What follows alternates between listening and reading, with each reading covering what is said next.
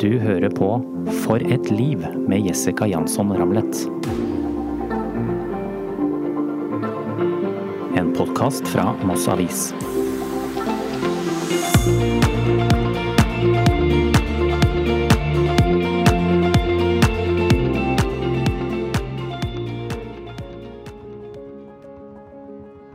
Du er jo full av adrenalin når dette skjer. og øh, jeg husker jeg, når jeg hang i skjermen, så ble det veldig, hørte jeg sånn masse vindsus.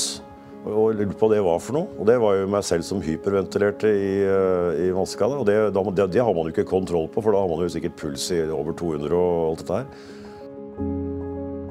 F-16-flyet var i ferd med å styrte, og Arve Thomassen hadde ikke noe annet valg enn å skyte seg ut. Det var bare å dra i håndtaket, lukke øynene og håpe på å overleve. Det tok en stund før den ellers uredde jagerflypiloten fikk en reaksjon på den dramatiske hendelsen. Nå er Arve flykaptein i SAS, og ryggemannen har beholdt sin evne til å ikke bekymre seg for ting han ikke får gjort noe med. Ja, Arve, da møtes vi på pub i dag. Ja, ikke det hyggelig? Ja, det er veldig hyggelig. Spesielt når det bare er åpent for oss to. Ja, og spesielt, vi er veldig tidlig på hver klokka. 11 på formiddagen. Ja visst. Skål. Skål, ja. Det er kaffe forresten vi drikker, er ikke det? Jo. Jo, kanskje vi skal spesifisere det. Ja. Men du, det er eh, Lagre pub ja, det stemmer. eh, i Rygge, og det er ikke hvilken pub som helst, for det er din pub. Ja, altså, jeg liker å si at det er min pub når jeg er her, og så er vi jo da 17 andre aksjonærer, så eh, vi har jo hatt litt moro med det. Så dette her er et spleiselag og en dugnad i beste ånd. Så, men jeg kan godt si at det er min pub innimellom. Det, vi liker det å ha det litt artig rundt det. Ja, Det må jo være morsomt. Ja, men det er ikke det, altså. Vi er, vi er 17 aksjonærer, og så er vi kanskje en 7-8-9 som, eh, som st står på driveren, da. Riktig. Ja. Mm. Men skal vi, ta, vi skal komme tilbake til puben, men jeg tenker at nå begynner vi litt fra start, tenker jeg, med, med livet ditt. Ok? Um, skal vi begynne å snakke litt om livsmotto, eller eh, livsfilosofi, eh, Arve? For det, Ja, jeg har jo eh, Man forandrer seg litt underveis. altså Tenker man liksom man på barneskolen, ungdomsskolen og drømmer man hadde osv., så, utvikler han seg. og Det tar litt tid før man finner ut hvem man er. da. Men mm. øh, jeg kan jo si at jeg har i Forsvaret For jeg, jeg, var jo, jeg er jo gammel jagerflyver. Og der fikk man såkalt call sign. Hvis noen har sett Top Gun, så er Maverick og Iceman og sånne ting. Og de, eh, de call signene, da, for det skal klinge litt på radioen og være lett å si Så hvis du liksom heter eh, Peder Amundsen, så er det Det er ikke så fort gjort å si det på radioen. Det- det skal være litt effektivt, Det skal være liksom. effektivt, Ja, ja. Og det navnet får man jo ikke lov å velge sjøl. Det får man jo hva andre syns om deg, og skal være litt sånn eh, litt artig og, eh, og litt eh, fungerende. Altså, mitt call da ble basic. Som går litt på kanskje min innstilling til livet og og ja, generelt hvordan man skal oppføre seg, hva som er viktig, verdier i livet. Uten å misforstå at eh, man er basic og bare egentlig bare rave gjennom livet uten å, å ha noe mål og mening. For det, det er ikke det det går på. Det går vel egentlig på å finne enkle løsninger på, eh, på middels store problemer. du, ja, fortell litt av hva, hva, liksom livet, som du sier. Hvordan, liksom, hva tenker du i situasjoner? Tenker du nå som jeg er eh, Ja, liksom- gammel, eller eh, når jeg var ung? Nei, la oss Ja, ja. Skal vi begynne der, da? Skal vi kanskje begynne med jagerflyvningen, da? Så kanskje det sier litt. Ja, det var jo eh, Altså, det gikk jo egentlig på modellflyinteresse og sånn når man var 14-15-16 år. Og så eh, var jeg nede på Jeg er født på i Drammen, eller Konnerud Drammen, og eh, begynte da å fly litt seilfly på Hokksund flyplass. Og der stakk det jo en kar innom da, vet du, som, var, eh, som fløy i jagerfly i Forsvaret. Og kom også forbi med den gangen F5, fløy over plassen. Da så jo veldig tøft ut. Og da var jo var jo tilbake i 1980, ikke sant. Så det var jo det var før internett og alle PC-games og alle spill og sånn. Så det var jo Skulle man virkelig ha action, så var det jo the real deal som gjaldt. Ja, ikke sant? Ja, ja. Ja. Men hvis vi tenker sånn, hvis jeg hadde stått der, så hadde jeg tenkt det der skal jeg i hvert fall aldri drive med. Mm. Men du tenkte tvert imot. Hva er det liksom i, din, i Nei, ditt det- hode som gjør at du velger noe sånt, da? Nei, altså Velge noe som kanskje er eh, litt vanskelig, men samtidig oppnåelig. Og så visste jeg jo det at eh, du må jo ha visse kvalifikasjoner for å gjøre det. Altså Du må jo f.eks. ha eh, Du kan ikke ha et handikap. Du må jo se godt på begge øya. Du må jo ha, hørsel må jo fungere. Eh, motorikk og sånn. Og de var ikke ute etter smarte folk de, den gangen. De var ute etter folk som var helt average, eller altså gjennomsnitt på skolen, men som kanskje hadde evnen å kunne litt om alt. Altså at du ikke var ekspert på noe, øh, men, men, men liksom alltid var liksom litt til stede da, hele tida.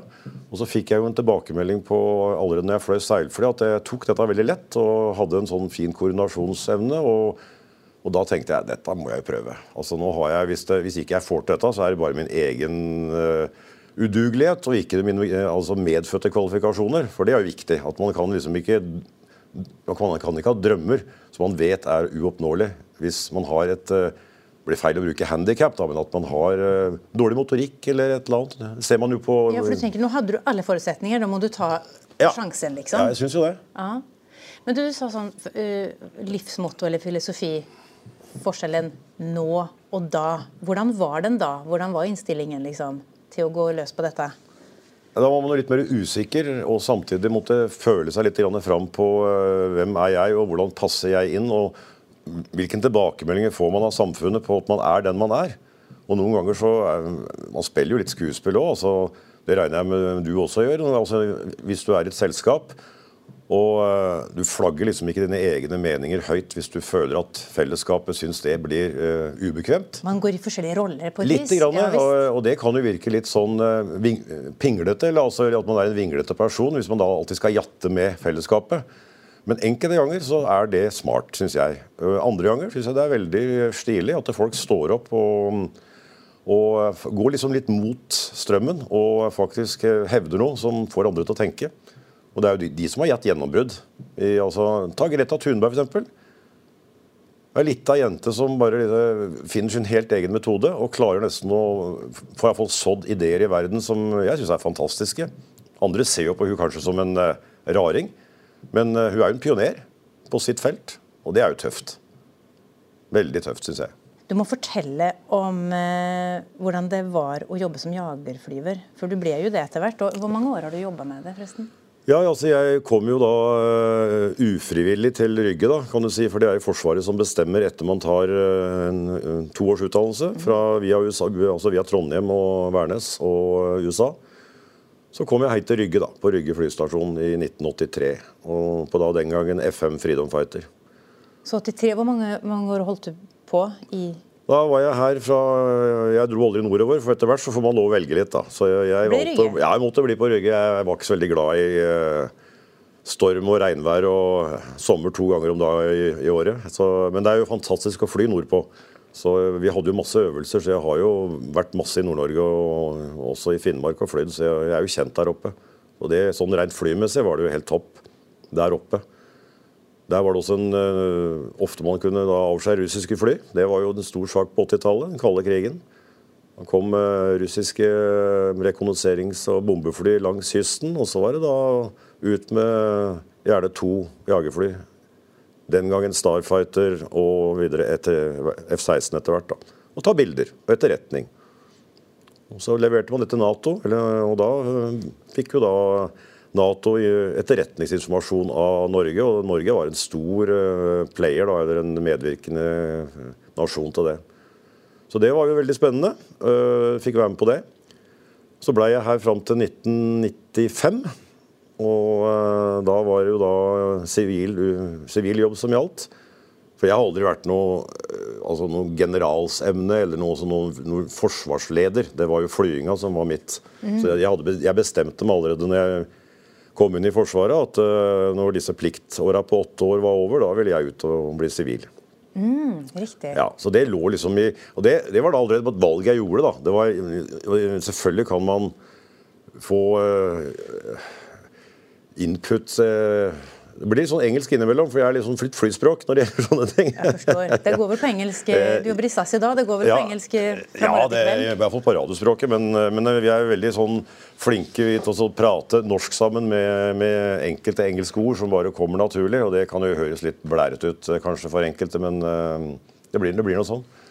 Så da ble det sivilt. Jeg skulle egentlig begynt i 1991 i SAS, men da kom Golfkrigen. Og det var jo da nedgangstider både i både SAS og Bråten den gangen, så da var det slutt på å ansette sivilt. Så da det, det, må det være i Forsvaret. Og det var ikke noe problem, for Forsvaret trengte oss. Og da var det litt mer sånn administrativ stilling, og jeg var simulatorinstruktør og fløy litt deltid. Men så endelig åpna det seg opp da i 95, så da har jeg vært det siden Jeg var forresten en liten Trine Bråten Safe i, eh, i 95 i ni måneder. Men så ble jo dette her fusjonert i 2003 eller fire, var det vel. Så da ble jo SAS Bråten ble jo da SAS. Og i dag er det jo helt ko-ko i den bransjen. Det er jo så mye småselskaper. Og du ser jo konkurs. Stakkars Flyr. eh, Det åpna jo opp og prøver seg. Og alt skal jo være billig. Det skal jo ikke koste noen ting i dag. Du ser jo det er jo også en, Siden vi snakker om eh, Det jeg ikke skjønner, er den der livsspiralen eh, på matvarekjeden nå. De skal liksom, de slåss om å være billig, billig, billig. Og det går jo utover både ansatte og eh, kunder og alt mulig. At det er, eh, de sliter jo med å holde, eh, holde seg liksom i markedet. Og spesielt da i transportbransjen. Altså det koster jo nesten like mye å ta bussen herfra til Gardermoen som det gjør å bestille seg en flybillett til Alicante. Alicante. Men du, kan vi ta litt mer om fly, jagerflyvingen, da? Ja. Kan du beskrive hvordan det er å fly jagerfly for en som ikke aner? Ja, vi pleier å si at vi, eh, et jagerfly er veldig enkelt å fly, faktisk. Altså Bare sånn å styre det, som å tenke på å lande og ta av og sånn. Men det er jo egentlig et våpen. Så det, det vi pleide å si, at man, man tar på seg et jagerfly som en nesten slags ryggsekk. altså Man blir ett med fly. Og så er det jo masse knapper og brytere. Og da er det jo å operere et jagerfly. Det er jo da det høres jo litt brutalt men det er jo, det er jo et våpen. Og det var jo det vi var, vi var trena opp til. Heldigvis så var jeg aldri i noen noe, noe, noe krigsoperasjoner, jeg. Men vi trente jo på det. Og vi slapp jo ordentlige bomber og, og skøyt ordentlige kuler og sånt på skytefelt. da. Men det har jo Forsvaret gjort seinere. De har jo hatt operasjoner i i Afghanistan og Ja. Det skal ikke jeg snakke om, det er ikke mitt felt. Det var etter at jeg slutta. Så, men jeg har jo snakka med de som har vært eh, i, i krigsoperasjoner. Og, eh, og de sa at den treninga som vi gjorde i, Norge, den var veldig reell. Og den kom veldig til eh, anvendelse når hun virkelig måtte. Men det er klart det er en psykisk stor omvendelse å vite at nå er det, nå er det, nå er det ordentlig. Nå er det the real deal. Så det er, som jeg sier, et jagerfly det, er, eh, det blir en del av deg sjøl. Altså. Og, det er, eh, og det er klart mye, det er mye krefter. Eh, Jeg vet ikke hva G-krefter, men de fleste vet jo hva det er. Nei, ja, men kan du beskrive Det var nettopp det, liksom sånn fysisk på kroppen. Ja. Kvalme, trykk. Kan du beskrive litt hvordan sånn, Kvalmen går jo over, for det er jo som å være første gang man er på sjøen. ikke sant, Så blir du da Altså, Hodet skjønner ikke helt hvorfor bølgene går opp og ned. ikke sant, og Så lukker man øynene, og så blir det da, da får man en kvalme. og Det får man på tivoli med karusell, og det får man i flymaskin. Ja, riktig. Men Så du går- hadde det, du òg? Eh, nei, I starten. det gikk over, det gikk over fra jeg, jeg, jeg begynte å fly seilfly, så jeg var allerede ferdig med den Altså, jeg fikk Ja, aldri for det har jeg gjort en gang, og jeg var godt og god og kvalm av bare den lille Ja, ja. turen der. Arve, så ja. Men så er det jo da Du kan tenke deg hvis du sammenligner en sånn Formel 1-fører da, som eh, opererer et todimensjonalt eh, sted. Er bare, er jo, vi, vi er jo tredimensjonale i, flyverden, ikke sant?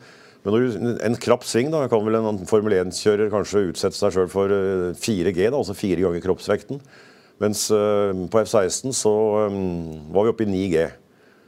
Og det vil si at eh, ja, hvis du veier da 50 kg, så kan du gange det med 9. Da får du jo en kroppsvekt på 450 kg.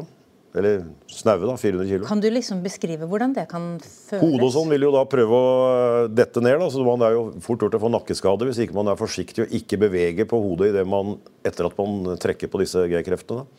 Eh, En annen ting er jo at øh, vi har jo da hadde en spesiell bukse som vi spente på, som var jo da formsydd. Og den blåste seg opp med trykkluft for å klemme lår og mageregion sammen, slik at du hindra blodet strømma ned i føttene, eller låra. For da når blodet strømmer den veien, så forsvinner blod fra hodet, og da besvimer man. Og det har vi hatt dødsulykker på i Norge, hvor da eh, folk har eh, ikke vært flinke nok til å altså spenne muskler og, eh, i det forbindelse med det. Og da besvimer man, og da går det i hvert fall 20-25 sekunder før man våkner igjen, og så er man litt ør til å begynne med. Og det har vi dessverre hatt dødsulykker på i Norge. Hvor han, han våkna aldri igjen, da. Uff, det høres veldig skummelt ut. Det her, er- man, kan du beskrive og fortelle hva det er? Det ser så voldsomt ut, det som dere har på dere rundt hodet Ja. flyet. Kan du beskrive hvordan Den hjelmen er jo egentlig ikke for å ikke slå seg i hjel hvis man krasjer, for det hjelper ikke så mye. Hjelmen er jo til for å holde oksygenmaska på plass. Og i dag har de også noe som heter head-up display. Det har man jo i biler i dag òg. Altså, du, du, du prosjekterer da instrumentinformasjon og sikteinformasjon opp i, i, i, hjelmen. da, Slik at man da snur på hodet, så kan man se siktebilder og fart og alt sånt noe i hjelmen. Så Det er for å holde dette her på plass. Og selvfølgelig også uh, hvis det skulle komme en fugl uh, gjennom Hvis du treffer man en fugl i 800 km i timen, så kan den gå tvers igjennom, og da får man litt beskyttelse mot, mot det hvis man har visiret nede. da. Mm. Så. Jeg tenker bare det utstyret du beskriver nå, det er ikke for alle bare det, utenom bare om flyvingen. Ja. Å sitte i ro, eller hva jeg skal si, med alt det på seg, er, er det noe med å slippe kontrollen på et vis? Kanskje det motsatte, at man eh, tar kontroll. Altså, eh, for det er jo det som er hele opplegget. at det, Når du er passasjer i et fly eh, Jeg har snakka med mange som flyr sivilt, altså passasjerer, som er redd for å fly.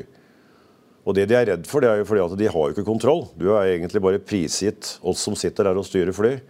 Men når de får forklart uh, vi, uh, at vi har simulator hvert uh, halvår ikke sant, for å øve på alt tenkelig og utenkelig, og de ser at det er mennesker som sitter der, de ser at vi snakker sammen, så blir de litt mer beroliga. For da, da, da, skjønner de at her er det folk som har kontroll. Og det, og det har du i hvert fall et jagerfly. Altså det er jo, Å slippe kontrollen der, det er jo helt forferdelig. Det er jo så det er jo faktisk det motsatte. Hva er den verste opplevelsen du har hatt i et jagerfly? Jeg, øh, jeg, har jo, jeg, har jo, jeg krasja jo F-16 i 1993. Det var i motorsvikt, så jeg måtte skyte meg ut i fallskjerm i, øh, på Sennalandet oppe i Nord-Norge. På Finnmark, faktisk. Det, det var jo spennende. Men, Spennende! Ja, det, var det, ja, det var kanskje understatement, men ja, si. uh, veldig kaldt selvfølgelig. Det var jo minus 10-15 grader. Og, men der, er jo, der har jo du bygde denne safety feature, at du kan faktisk dra et utskytingshåndtak. Og så, jager, det er jo bare én motor på F-16, og den stoppa, og den var umulig å starte igjen. og Det var ikke noe sted å lande, så da var det ut i fallskjerm. Men det fungerte jo. Og det hadde jeg aldri prøvd før. Så det, jo, det, var automatikk, så det bør man ikke egentlig trene på. For det er egentlig bare å dra i et håndtak og lukke øya, og så, ja, så åpner skjermen. Da snakker vi om å slippe kontrollen, du. Ja, da slipper du kontrollen. Da har du prisgitt naturkreftene, og spesielt da hvor man eh, lander man i en fjellskråning, eller lander man på en høyspentledning. og eh, så heldigvis så gikk jo det bra, da. Så... Men, men forklar, hva, hva, skjer? Altså, du, du, forstår at her går det galt, eller hva skjer du, før du drar, trekker i ja, det er, det er to, det er, altså, Jeg har hatt flere kollegaer som har prøvd dette her. Nå heldigvis, eh, de siste 25 åra så har det vært nesten ingenting av det. Eller ingenting. På 80-tallet så var det en del. Så kan man jo spekulere i hvorfor det. Om det var eh, bedre systemer eller om eh, bedre vedlikehold. Jeg har ikke noe godt svar på det, egentlig. Men da er det Altså, det, Da slipper man kan du si, kontrollen, men, men, eh, det er jo to måter å skyte seg ut på. Det ene er at du krasjer med et annet fly, og du har kanskje ett sekund på deg på å reagere. Da er det bang! Oi, dette går gærent! Nå må jeg bare skyte meg ut. Eller som jeg. Jeg hadde da en motor som stoppa, hadde jo veldig god tid. Prøvde jo å starte motoren. Og, oh, ja. For flymaskin, det, det, det, flyr jo, selv om det er, det er seilfly. Men det flyr jo ikke så veldig bra som et seilfly. Det går jo veldig fort nedover. Så jeg hadde vel nesten et minutt som jeg satt og prøvde på å, å finne ut hva jeg skulle gjøre. da. Og til slutt så må man jo bare styre flymaskinen eh, et sted hvor man ser det ikke er noe bebyggelse, så ikke man treffer noe hus og sånn. Det var ikke så vanskelig oppå eh, oppe i Finnmark. Det var jo det var vanskelig å finne et hus, faktisk. Det var glissent. ja, var glissen. Og så er det da å finne et sted hvor man, man ser man lander noenlunde bra da, uten å gå en steinrøys eller bratt terreng eller et eller annet. Så det, så det, det fikk jeg jo til, da, men det var jo likevel spennende å dra i det håndtaket. altså. Eh, også alt som skjer etterpå, da. Med Havarikommisjonen og VG og Dagbladet, og du spør, mm. og mye kosta dette. Og, for det, var jo, det er jo dyrt å krasje et sånt fly. Men du, er du f.eks. i denne situasjonen redd da? Nei, ikke da, men etterpå. Ja. Altså, du er jo full av adrenalin når dette skjer. og øh, jeg husker jeg, når jeg hang i skjermen, så ble det veldig, hørte jeg sånn masse vindsus. Og lurte på hva det var for noe. Og det var jo meg selv som hyperventilerte i, eh, i vannskade. Og det, det, det, har man jo ikke kontroll på, for da har man jo sikkert puls i over 200 og alt dette her. Og så skjer det så mye etterpå, at, eh, og så, så skjønner man jo at man er eh, at man har overlevd. da. Så, så, da er jeg egentlig full av Det er liksom nesten litt sånn Wow! Dette var litt av spennende. Ringte hjem til mammaen min ikke sant? og uh, forklarte at uh, den gangen var det tekst-TV. I dag er det jo litt fortere at man får greie på ting. Og så, dette, så sier jeg du mor, så jeg, det, hører du snakke med meg nå? Ja, hun hørte hun. Det vil kanskje høre i løpet av dagen at det har krasja et jagerfly. Nei, sier hun, vet du. Og da er det jo ja, det er jo ikke meg, da. Det skjønner du kanskje siden jeg snakker med deg.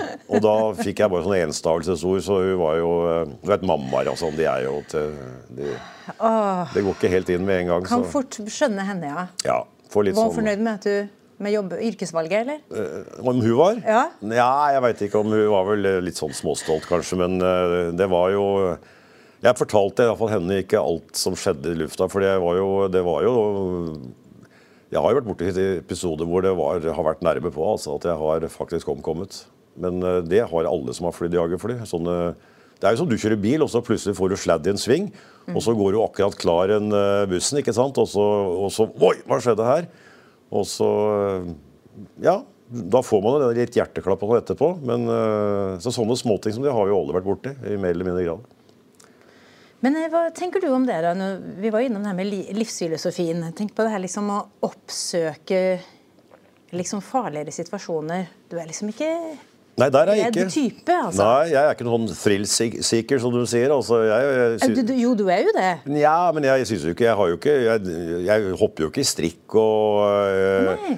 og altså, kjører motorsykkel eller sånne altså, jeg, det, jeg er ikke der. For jeg tenkte jo å spørre Hvordan blir hverdagen blir den kjedelig når man er jagerflyver? Men da, da, da gjør den ikke det for deg, da? Nei, noen, no, altså noen, vi er vel forskjellige. Noen kollegaer av meg har jo uh, hopper i fallskjerm frivillig på fritida, også i tillegg til, ja. til flygeryrket. Har, uh, ja, har driver med kanskje motocrossidrett, uh, sånne ting.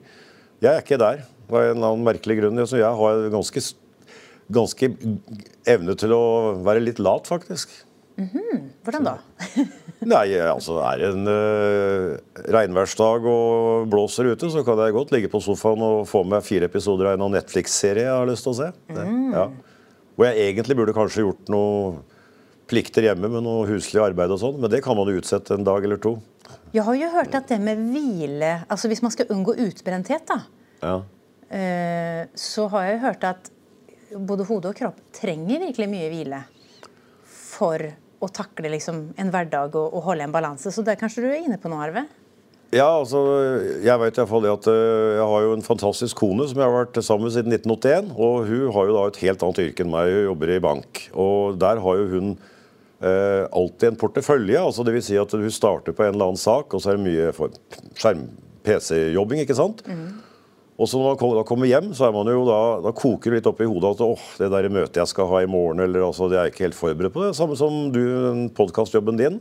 Eh, du må jo på en eller annen måte forberede deg hva du skal spørre om og hvordan du skal gjøre dette her. Og det ligger man kanskje og tenker på før man eh, skal sove, da. Og da er det ikke alltid man får sove, da. Så tror jeg kanskje Jeg tror at jenter har litt mer sånn Tenker på sånne veldig mange ting.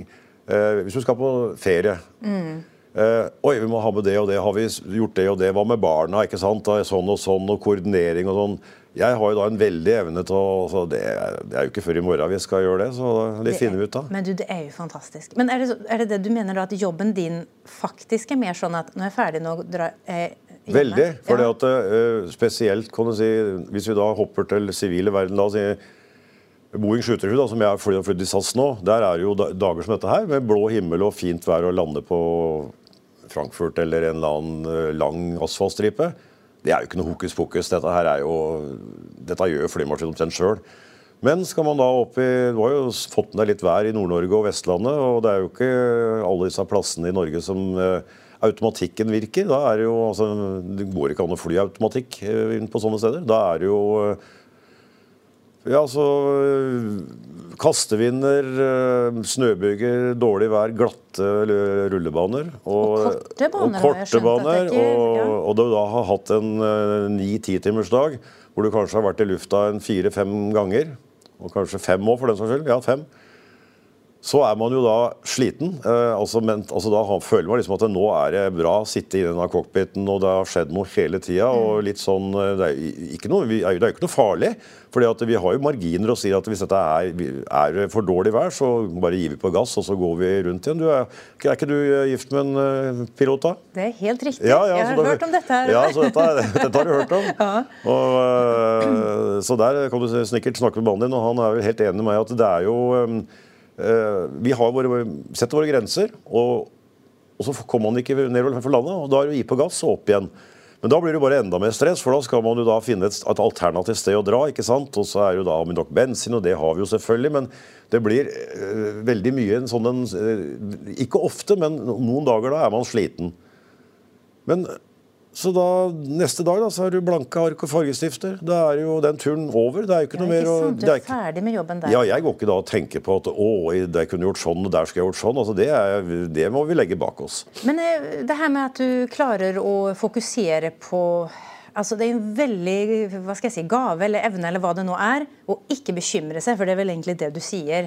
Ja, det er, det, det er jo derfor du- sånn? Ja. Ja, det er derfor kanskje jeg sitter her òg. For at det jeg har jo Jeg pleier å si at jeg, har, jeg er ikke født med empati. Jeg har da tillært empati. Så jeg klarer egentlig ikke å bekymre meg så veldig mye om, eh, om at eh, la, Du har barn, ikke sant? Har du det? Ja. Når barna våre var sånn 17-18 år og ikke kom hjem på en fredagskveld, så sitter de foreldre jo er jo Hvor er nå, hva skjer? Og det var før mobiltelefonen. Så jeg, jeg sovna jo da og tenkte at uh, intet nytt er godt nytt. Og uh, jeg får ikke gjort noe. Enten må du da kjøre ut og leite etter barnet, da, eller uh, altså, Eller så får man bare legge seg til å sove. Så du får ikke gjort noe med det. Jeg klarer ikke å bekymre meg på forhånd over at ting eh, kan bli forferdelig. Altså, Skjønner du hvor mange som hører på som vil si hvilken gave det er, eller evne? Ja, Eller hvilken arrogant drittsekk som kan da klare å gjøre det. Det er jo også eh, to måter å se det på. Ja, i og for seg, men jeg tror hvis folk ikke hadde bekymra seg så mye om ting som man ikke får forandra, mm. da hadde man fått et eh, deiligere, roligere liv. Indre liv. Ja, jeg tror det, ja. Og det, og så kan du si at eh, jeg kjenner jo også på selvfølgelig sånne følelser, men jeg prøver da å være min egen lille instruktør og si at nå må du kutte ut det her, Arve. Det er ikke, dette her er dette du bekymrer nå, det er bare tull. Så, så du, må liksom Og da hører du du på deg selv, da. Altså, du, det funker. Ja. Men dette er jo noe som er litt tillært òg, for det, dette har vi jo lært også på eh, litt sånne stressmestringskurs og, og sånne ting. Og, eh, og jeg eh, holder jo også et par foredrag i Forsvaret om den der utskytinga mi, som ikke går på det at det var tøft å skyte seg ut, men på ettervirkninger. Og, eh, og det er klart, jeg hadde noen tunge stunder, jeg, altså, som da ikke var dagen etterpå, men som kom uh, ukevis etterpå. Hvor jeg da uh, fikk en sånn en liten Hva kalles det? Uh, Jeg skal ikke si PSTS, men altså en sånn en Jeg ikke skjønte ikke hvorfor jeg Jeg begynte, begynte å gråte plutselig på, sammen, sammen med noen gode venner. Og jeg skjønte ikke hvorfor. Det var bare øh, Jeg hadde drukket noen øl, da. eh, Så det var i forbindelse med det. Men da gikk det liksom litt på ja, Det ble tatt opp dette der ulykka og videre, og så var det, ble jeg beskyldt for noen greier som ikke var sant. Og så var det liksom Det gjør jo ikke noe. Og så fikk jeg en klapp på skulderen av en, av en, en eldre kollega som sa at dette her skal du ikke bry deg om, Arve. Ja, jeg veit ikke hvorfor jeg bryr meg om det, men altså, så var det jo, plutselig satt jeg der og gråt. da. Og det var jo følelser jeg ikke hadde kjent på før, for det var jo helt tullete. Altså, det var jo ikke noe, Alle visste fakta, og det var ikke noe, men det var bare en sånn en, kom en reaksjon. Den kom faktisk måneder etterpå. Så, øh, og det lærte jeg veldig mye av. Så neste gang jeg følte noe tilsvarende, så jeg, må du slutte å tulle. og oppføre deg ordentlig oppi hodet ditt. For det er jo snakk om at det er jo I dag så er det jo Du er jo ikke frisk hvis ikke du har en eller annen diagnose. Slå opp VG, Dagbladet, spesielt alle kjente mennesker. De har jo da øh, tilbake etter en tung periode. Om du er da kunstner eller artist eller musiker. og Det er nesten så, det er ikke, det er ikke klikkverdig hvis ikke du har hvis du er en helt normal artist som bare er ute igjen. Du skal ha vært gjennom en liten traume, og så skal man reise seg igjen, og da er samfunnet fornøyd. Men jeg, jeg, lurte på, tror du man kan lære seg i du sier stressmestring og sånn, mm. hvis, man, hvis, man, kjenner at man er en person som bekymrer seg mye, tenker du at man kan forandre seg og lære seg å bli den man vil, rett og slett? Helt klart. Ja. Men du klarer det ikke selv. Du må, enten, du må lese litt litteratur om det. Ja. Jeg har skrevet masse flott om det, hvordan man skal gjøre det. Eh, man bør kanskje omgås mennesker som eh, er litt annerledes enn seg selv. Altså oppsøke miljøer og, eh, og prate med andre mennesker. Lytte litt. Jeg er jo ikke så veldig flink til å lytte til andre, men det hender jeg gjør det. altså jeg, men jeg skravler fælt, som du sikkert hører. Og det Jeg, jeg er er så heldig at i den jobben vi har i, i, SAS, så treffer man jo nye mennesker hver dag. Altså nye kollegaer. Fantastiske kollegaer. Det kan være om det er kabinen eller om det er piloter. Og da når man sitter og flyr til Las Palmas, må man jo snakke med hverandre. Vi sitter jo uh, en halvmeter fra hverandre. Og hva driver du med? Driver du med fluefiske? Hva er du er på fjellet? Åssen er det med familien din? Har det skjedd noe? Og da kan det bli ganske mye intime samtaler som man vet at ikke blir gjenfortalt. For det er liksom en sånn egen kode vi har. det at Når du sitter og prater med Hvis en åpner seg litt da, på kanskje at det er noe, man har litt problemer, og sånn, så veit man det blir der. Man kan godt gjenfortelle historien, men da er det jo ikke noe navn eller noen ting. Og da lærer man jo veldig mye. Og det, og vi har jo alle, altså, Det er jo alltid noen som har mista eh, et familiemedlem eller eh, hatt noen ulykker eller opplevd ting. altså Det, det skjer jo hele tida, og det får man jo tett innpå seg. Mm. Du får jo ikke det hvis du bare snakker med naboen din og, eh, og de to på kontoret. Så der er jeg heldig. På mange måter så er jo jobben din lik min, Arve. Bortsett fra flyvinga. Ja, ja, ja, ja. Du, jo, du prater jo med folk. Jo, men jeg er så enig med deg at mm. Eh, alle har noe å fortelle. Mm. Absolutt. Så Det, det har iallfall jeg lært veldig mye av. Og har fått innblikk i andres verden og brukt det eh, Ikke at jeg skal oppleve det samme, men kanskje da, da føler man seg kanskje litt at de problemene som jeg har, blei veldig veldig små i dag, når jeg hører på hva han mm. kollegaen har fortalt meg. ikke sant? Hvis vi tar nå i forhold til sånn som livsfilosofi nå, eh, i forhold til liksom når du starta sånn som vi sa, hva er største forskjellen da? Hvordan du griper an livet nå? Eller si Ja.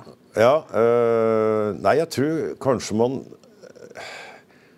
jeg er liksom litt kommet til veis ende nå. at Jeg, jeg gleder meg til å bli pensjonist. Ikke fordi jeg elsker jo flygerlivet mitt og alt mulig, men jeg, jeg, er, øh, jeg, jeg gleder meg til å ikke stå opp klokka fire-halv fem om morgenen for å dra på jobb. For øh, jeg, selv om jeg alltid hadde godt sovehjerte, så jeg er jo 60 år nå, så jeg, sliter faktisk med søvn pga. Eh, turnusopplegget. ikke sant? Og så når jeg leser da om eh, søvnproblemer, så, eh, så er det jo det man skal prøve å ha rutiner. da. Ikke sant? At man vil legge seg på samme ja. tidspunkt. sånn, og Det kan man jo skyte en hvit pil etter, i det yrket her. Så uh, Jeg syns det var artig å følge um, Linnea Myhre, hun kjendisen, hun har jo da store søvnproblemer. Jeg, føl, jeg, liksom, jeg fulgte litt med på åssen hun sleit. da. Og det er klart, eh, Der er det andre problemer. for Hun, hun gikk jo på sovemedisin, og sånn, og det er, jo ikke noe, det er jo ikke hemmelig. Det har jeg jo gått ut med sjøl. Og det er jo en quick fix kanskje til å begynne med, men det er jo ikke en quick fix når du slutter med det, for da blir man jo på en måte litt avhengig av det. Og da er det for mye, tenker man for mye. Så stor, all ære til Linnea som går ut og forteller andre om det. slik at dette er sikkert mange som sliter med. Da, mm. Jeg har en som jeg syns er helt fantastisk, og det er um, Eh, hvis du husker en gammel film som heter 'Crocodile Dundee', med en som heter Paul Hogan? Om jeg husker, ja. Og der er jo, eh, Han kommer fra ganske enkle kår nede i Australia. Og Der er en scene hvor um, han kommer til New York. Og så blir han intro og Der er jo alt nytt for han, og så sier hun uh, at du må møte psykologen min. Uh, sier han. Jeg visste ikke at du var ko-ko. Altså, han trodde jo altså, Psykolog det var jo noe greier du virkelig The shrink, ikke sant? Ja, ja.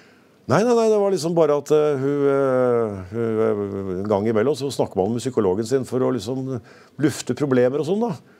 Ok, sier han. Han skjønner jo ingenting av dette her. han der Crocodile Dundee. Så hva gjør dere i Australia hvis man har problemer? da? Dere må jo ha problemer der òg. Ja, vi bare går til lokale puber, og så forteller vi Molly, som jobber i baren, hva problemet er. Og så forteller hun alle andre hva det er, og så er hun døpen, og da er du ikke et problem lenger. Så. fin ting, da. Ja, ja, liksom litt sånn i anførselstegn. Men, jo, jo, men altså, det sier jo alle at eh, alle problemer blir lettere når du har fortalt om det, Ja. delt det. Ja. Det er vel det det handler om. ja, ikke være, altså, holder du ting inne, så øh, kan det fort bli et problem. Ja. jeg, har- jo fått tilbake med at jeg kanskje er litt for de- mange av disse her som jeg er i puben sammen med, Arve har ikke noe filter. sier han. Jeg sier jo det jeg tenker noen ganger, og det er jo ikke alltid det jeg faller på god, i god, god jord.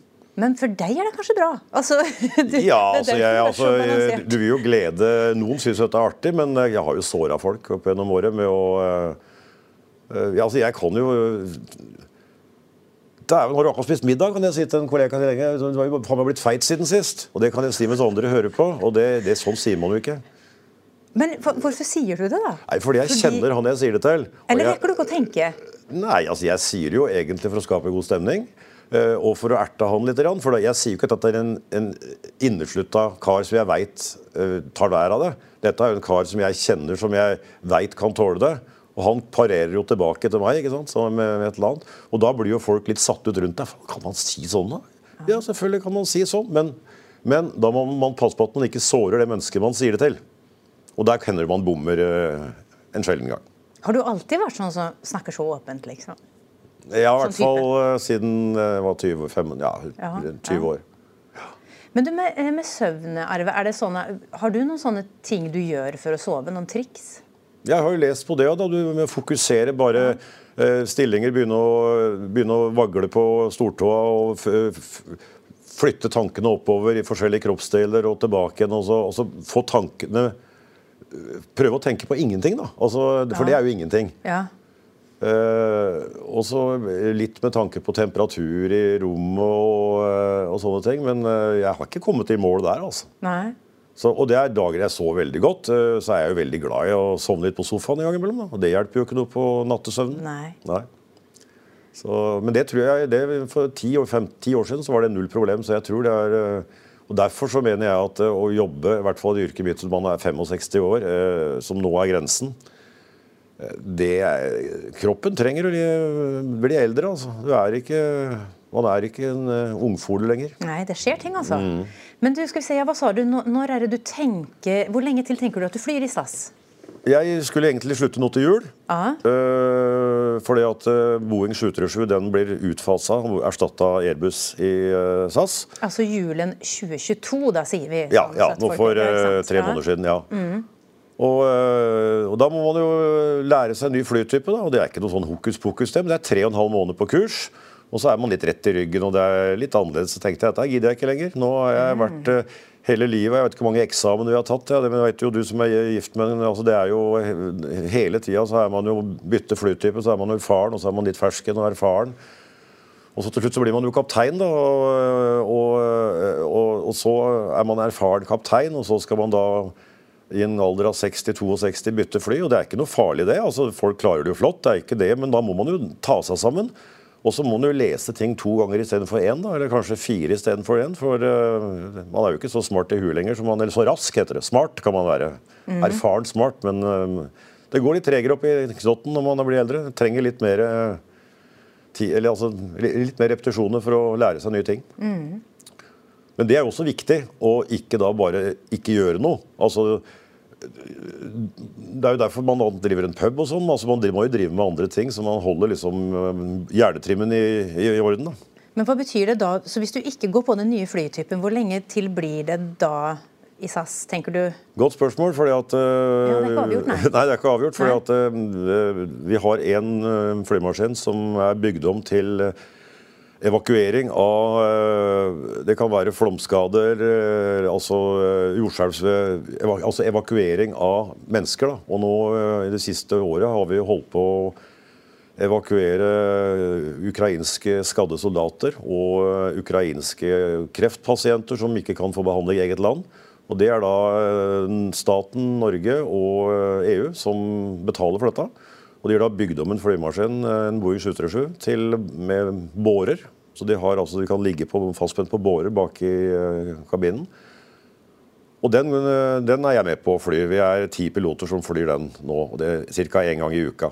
I tillegg til at de da beholdt Boeing 737 for å fly litt vanlig passasjerfly. Men det er det slutt med til sommeren. da.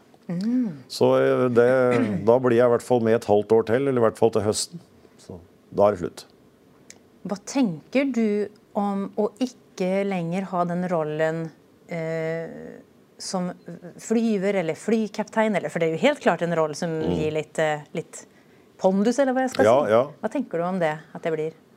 Det var nok For 30 år siden så var det mye mer status å være flykaptein uh, enn det er i dag. For i dag er det bare en vanlig jobb. Det ser man jo både av Altså Lønningene var jo de samme for 20 år siden som de er i dag. Eh, de, de jobba jo 30% mindre. Eh, det var, det, var, det var, et godt liv å være Man dro jo, Ofte var det overnatting på Las Palmas i 48 timer og sånn. Det, det, er jo nesten slutt på det, hvis ikke du jobber i spesielle fly, flyselskap. Charterflyselskap. Så jeg tror kanskje det var verre å slutte for 30 år siden, for da gikk man kanskje fra å ha den der pondusen eller den statusen som samfunnet ga deg, og så plutselig var man bare en vanlig mann som kanskje ikke hadde vedlikeholdt vennekretsen sin, ikke hadde noen store hobbyer, og da ble det nok en tung mann, da. Så det er jo veldig viktig å uh, ikke glemme å ta vare på eh, de rundt seg og ha et, uh, et støtteapparat. da. Du, Vi skal snakke mer om dine venner, for de vet jeg er viktig for deg. Men først må jeg spørre litt mer om det her flyet, som du sier. Det er jo fascinerende at en 737 er bygd om mm. uh, for å ta imot såra soldater. Hvor ofte flyr du nå? Det, kaller man det for Medevac? Ja, Medevac, ja, det er en forkortelse. Medevac, det er jo, kan du google på internett, så er jo det operasjonen. Og Herkulesen i Forsvaret driver jo også med dette her, og vi har jo masse fly som gjør det. Men per dag så er det bare ett sivilt fly, eh, i hvert fall i Norge. Og jeg, jeg mm. tror ikke Lufthansa hadde også, men de ligger litt på hæla der òg. Og Det som er så stilig, er jo at øh, teknisk avdeling i SAS, utrolig dyktige folk, de har jo da bare et døgn på seg fra å bygge opp en, bygge opp en vanlig 737 til å få ut setene og, og inn med dette utstyret. Uh, men, men, det har kun vært behov for kanskje en gang i året, hvis du går langt tilbake i tid. Men nå det siste så er det da eh, flyr vi en gang i uka. Mm. Uh, tirsdager og onsdager som regel. Hva, hva, er det du har, hva, hva får du se på sånne turer? Hva opplever du? Jeg får se det jeg eh, vil se, men eh, jeg prøver å holde meg mest mulig unna kabinen. Altså, det, jo, det har jo litt med eh, pasientvern òg. Altså, altså pasient, hvis, du er, hvis, du er, hardt skada, så er det jo helt greit at det står en sykepleier eller en anestesilege og holder på med deg og bærer deg, men det kommer en flykaptein, så er jo det det er en utenforstående. Jeg prøver å holde meg mest mulig øh, unna. Men du ser jo ting når de da blir frakta om bord. Men de er jo dekket eller sånn. Altså, men det er mye stygt, altså. Det er, nesten som man er Det er litt ydmyke turer. Man blir litt sånn satt ut og litt stolt å få lov å være med på det, samtidig som du skjønner at her, er, her gjør man en bra ting. Men tenk på alle som ikke får hjelp, da. Mm. Vi tar kanskje med oss 20 eh, pasienter. og så Hvem har plukka ut de 20? Det er jo en seleksjon, det òg. Mm. Så der har det litt med flaks og uflaks. Hvem som er på rett sted til rett tid, kanskje, og at du får greie på at du trenger hjelp. Ja, skal vi snakke litt om uh, flaks og valg? ja. det, det, er jo gøy å snakke med deg om, eh, Arve. Hva tenker du om det? Akkurat der var det jo faktisk flaks, som du sier. Eller hva skal man si? Tilfeldigheter? Ja, eller? ja. Jeg hørte en foredrag fra en professor en gang som sa at han hadde forska på intervjua alle mennesker som hadde hatt utrolig flaks. Og det var ingen som, var, som hadde da vunnet penger i Lotto eller, eller ja, havna på en flott feriested og hadde flaks. Det var folk, folk som holdt på å omkomme. Ja, altså, du kjører bilen, og så er, det, er du tre sekunder, og så hvelver bilen ut fra en skrent. Også, men så traff du akkurat en, en, en sånn snøfonn som holdt igjen bilen. Utrolig flaks. Så de mente de hadde flaks. De hadde ikke uflaks fordi de havarerte bilen, de hadde flaks fordi de overlevde. Så det går veldig på Eh, definisjon på flaks. da. Og så eh, syns jeg Ingeborg, Ingeborg Stenmark sa det veldig bra, han eh, slalåmkjøreren fra Sverige. Til mer jeg trener, sånn, til mer flaks har jeg. Ja, ja, for Var det ikke noen som hadde sagt til den gang at du hadde flaks som ble flyver? eller ja, sånn? Det, ja. det, tenker du, det meste er jo valg i livet. Ja, jeg syns det, at det er nesten litt fornærmende å si at du kan jo godt si at du er flaks som har født med forutsetninger nok til å kunne da øh, velge det man velger, som vi snakka litt om innledningsvis. Mm. Men øh, det er jo ikke flaks at man øh, til slutt tar det valget å prøve og går Det er jo mye tester og alt mulig, og det er jo Det er ikke flaks at man blir nummer én og to og tre når man er, driver med idrett. Det er, jo, det er jo mental trening, ikke sant. Jeg veit at mentale treneren til Bodø-Glimt, fotballaget Bodø-Glimt, tidligere jagerflyver. Mm. Han har man har vært i krigen òg. Så han, øh, han, kom inn der som mental trener til fotballspillerne i Bodø-Glimt for, for, for de som valgte å bli bedre, så kunne da være med på hans opplegg. Og Det er den valg man tar. Det kan virke litt sånn flåsete sånn, altså, men jeg, jeg, mener faktisk det at det mye handler om valg her i livet. Mm. Og glade tanker. Ja, nå skal vi inn på glade tanker. Mm. For jeg lurer på hvordan endte du opp med å bli som vi sier da, pubeier? kaller vi mm. det nå før nå. Ja. Pubaksjonær. Det var, eh, Jeg var så heldig at når jeg kom hit til Rygge, eh, så møttes jo da en, sånn, en, en gammel guttegjeng som spilte fotball sammen her, og var interessert i skøyter. Fra dannet med en liten klubb i 93. 30-årsjubileum nå på lørdag, faktisk. Ja, hvordan møtte du de, da? Hvordan... Nei, Det var gamle Rygge kro. Og så fikk jeg bare beskjed om at hvis du går bort der på eh, lørdag ettermiddag, så ah. treffer du noen Jeg kan ta en øl og se på sport. Og... Så var det sånn samlingspunkt ja, ja. der? Og jeg var jo litt yngre enn dem, da. Eh, de er jo 10-15 eh, år eldre enn meg, mange av dem. Mm. Og Der var man møtt, velkommen, da. og da fikk man da hjelp hvis det var noen som trengte hjelp til et eller annet i hagen eller eh, noe dugnad og sånt. Noe, så var jo da nei, bare snakk med han, eller snakk med han, så ordner nok det seg. Og mye vennetjenester og flott miljø. Delte litt eh, tanker. Og så etter hvert så ble det jo en tur, da. Og så skjedde det masse på Rygge her, så stengte Rygge kro, og så åpna det en eh, pub, og så stengte det en pub, og så hadde vi liksom ikke noe samlingssted, for at dette her dreier seg veldig om lørdager. Altså at eh, Gutta går ut på lørdag for å se idrett, fotball på TV og ta seg en øl, og gjerne da dra hjem igjen på kvelden. Eller de selvfølgelig fortsette òg, hvis det er noe Det kan jo hende det er noen samlinger utover kvelden òg, men veldig ofte så er det de der fire timene på lørdag. Og da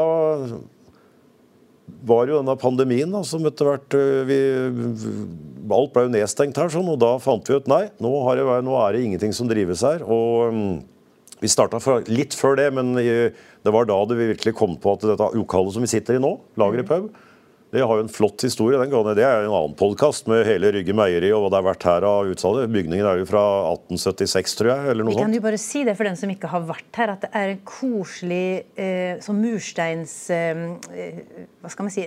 En bydel, nei, et område her ja, ja. med sånne bygninger. Kjempekoselig. Og rett over gata ligger jo uh, Meiro. Sølvi har jo laget ost der. Ja, veldig koselig. Ja, Hun har jo vært, hun har også skrevet om hun i Moss Avis, så veldig bra. Mm. Nei, og Da fant vi ut at, så har jeg sagt i alle år at hvor vanskelig kan det være å drive en pub? Vi kan jo drive på dugnad. Og så plutselig så var det vår daglig leder Ole Jølberg han uh, mente at dette her var fullt mulig. og Han uh, sitter jo litt i styret og har litt økonomierfaring. Han er professor, forresten. Uh, pensjonert sådan. Og Du må jo ha noen som kan litt om sånne ting også. Og så um, samla vi bare han pluss mange andre. Masse, Vi har jo håndverkere her. ikke sant? Vi har jo en som er litt elektriker, og en som er litt rørlegger, og en som er litt snekker og sånn. som vi Alle kjenner jo noen. Og så var jo alle interessert i å donere litt gaver, da, med møbler, sofa, altså alt vi trengte i forbindelse med dette her. Så da spytta vi inn noen kroner hver. Ikke, ikke, ikke at det er hemmelig, men det var jo ikke altfor mye og, mm, for å starte et sted. Og så blei denne lageret pub til. da. Og den, eh, så vi har ansatte her torsdager, fredager og lørdager. Og så mm, vi andre eierne, vi eh, jobber her eh, gratis på de andre dagene. Hvor viktig er venner, syns du? Det betyr alt. Det er uh, altså uh, Jeg trives veldig godt aleine noen ganger, men uten gode venner altså det, er, det, det betyr alt. Jeg tror det verste man kan gjøre for å ha det bra oppi hodet, det er å bare være for seg selv og seg, og søke opp negative ting på nettet for å bekrefte hvor ille verden er, og så, eh, og så ikke ha noe å prate med. Nei, ikke Nei. bra i hele tatt. Nei.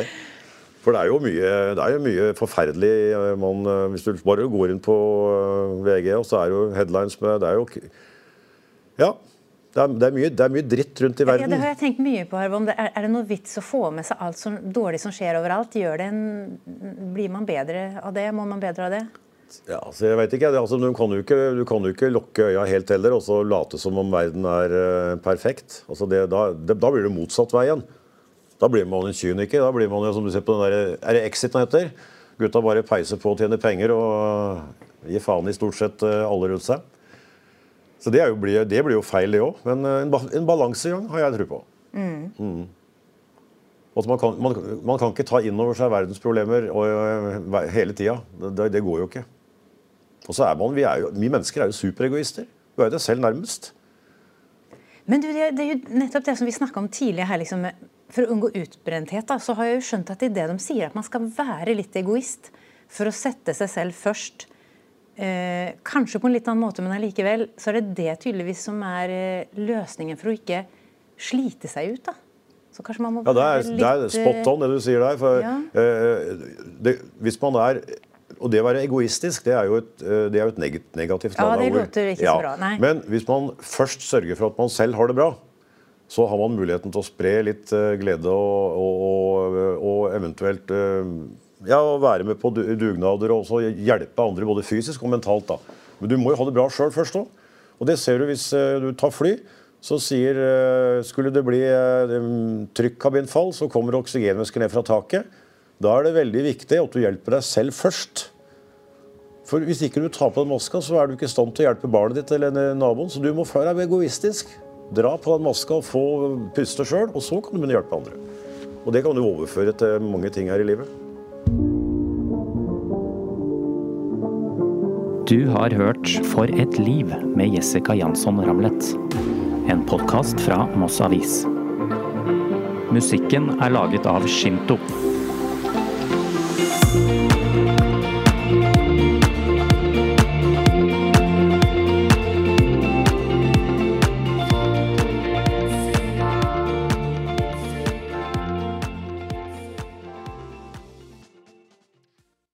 Har du et enkeltpersonforetak eller en liten bedrift? Da er du sikkert lei av å høre meg snakke om hvor enkelt det er med kvitteringer og bilag i fiken, så vi eh, gir oss her, vi. Fordi vi liker enkelt.